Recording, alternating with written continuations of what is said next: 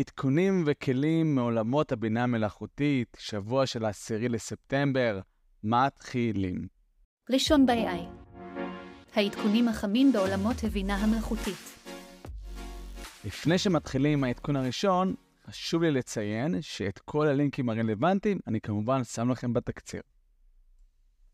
העדכון הראשון הוא על כלי שנקרא קלוד, או יותר נכון על הגרסה השנייה שלו, קלוד הוא צ'אט בוט מבוסס בינה מלאכותית, בדומה לכלי שהוא כנראה הפנים של המהפכה, ChatGPT או גוגל שלה Bard.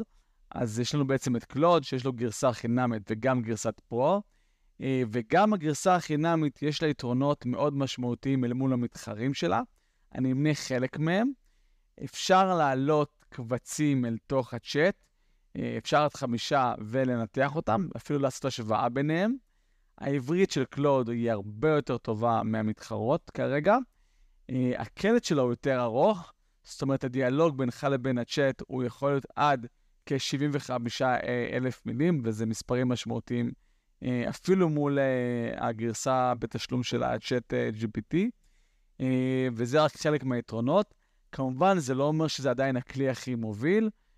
לכלים אחרים יש גם יתרונות. לדוגמה, לגרסת Pro של ה ChatGPT יש plugin־ים, אה, נגיד לדוגמה Code Interpreter, שזה בעצם feature אה, שמאפשר לנו לקחת data אה, ולנתח אותו וליצור גרפים שונים, שזה כן יתרון משמעותי, ובעצם בא להגיד לכם שהכלי צריך להיבחר בהתאם לצורך שעולה אצלכם.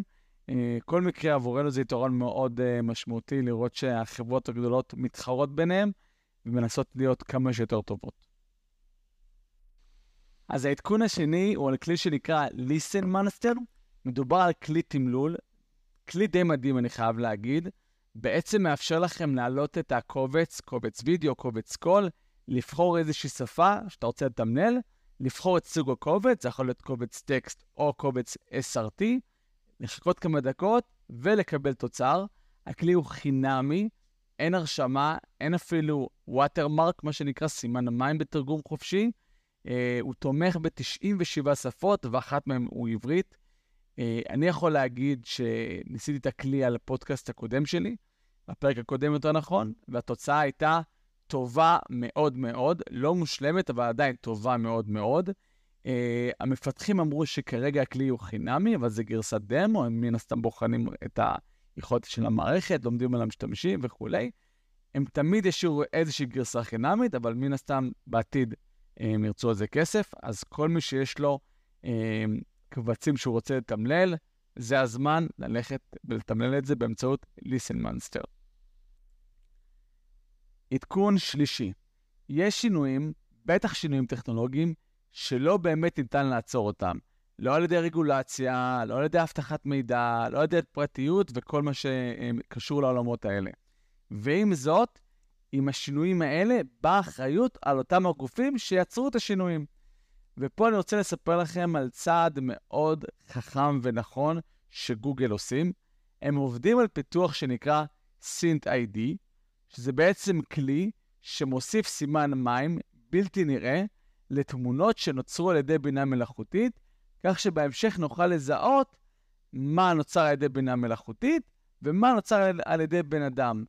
וזה כלי שיכול לסייע ב, אה, בתופעה של הפצת מידע שקרי, אה, בנוכלות, אה, בנושא של קרדיטים, ויש פה כלי שקודם כל ברמה הפרקטית הוא מאוד מאוד חשוב, וגם יש פה אמירה מאוד חשובה ששחקנית כל כך גדולה באה ומוציאה כזה כלי, וזה אומר מה שנקרא דרשני גם לחברות האחרות.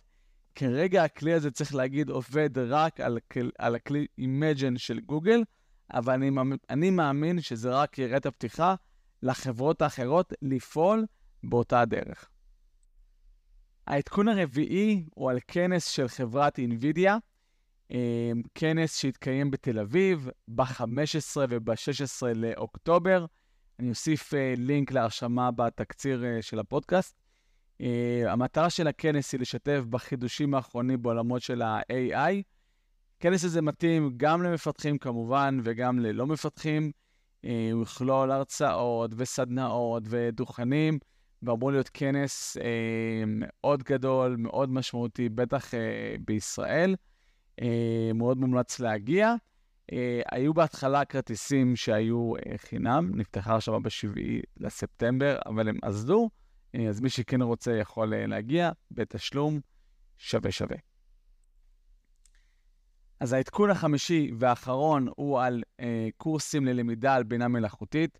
הרי אי אפשר באמת לבצע למידה משמעותית באמצעות פודקאסט של חמש דקות. המטרה היא רק לתת לכם טעימה מהעולמות האלה. אה, והחברות הגדולות, מייקרוסופט וגוגל ו-IBM וכולי, מציעות אה, לכם קורסים בחינם על העולמות האלה. אה, אני מאוד מאוד ממליץ על הקורס של מייקרוסופט. חמש שעות, קורס מאוד איכותי, מאוד פשוט, מאוד מעניין. אני כמובן אצרף לכם לינקים, אז לכו ותלמדו, ונתראה שבוע הבא.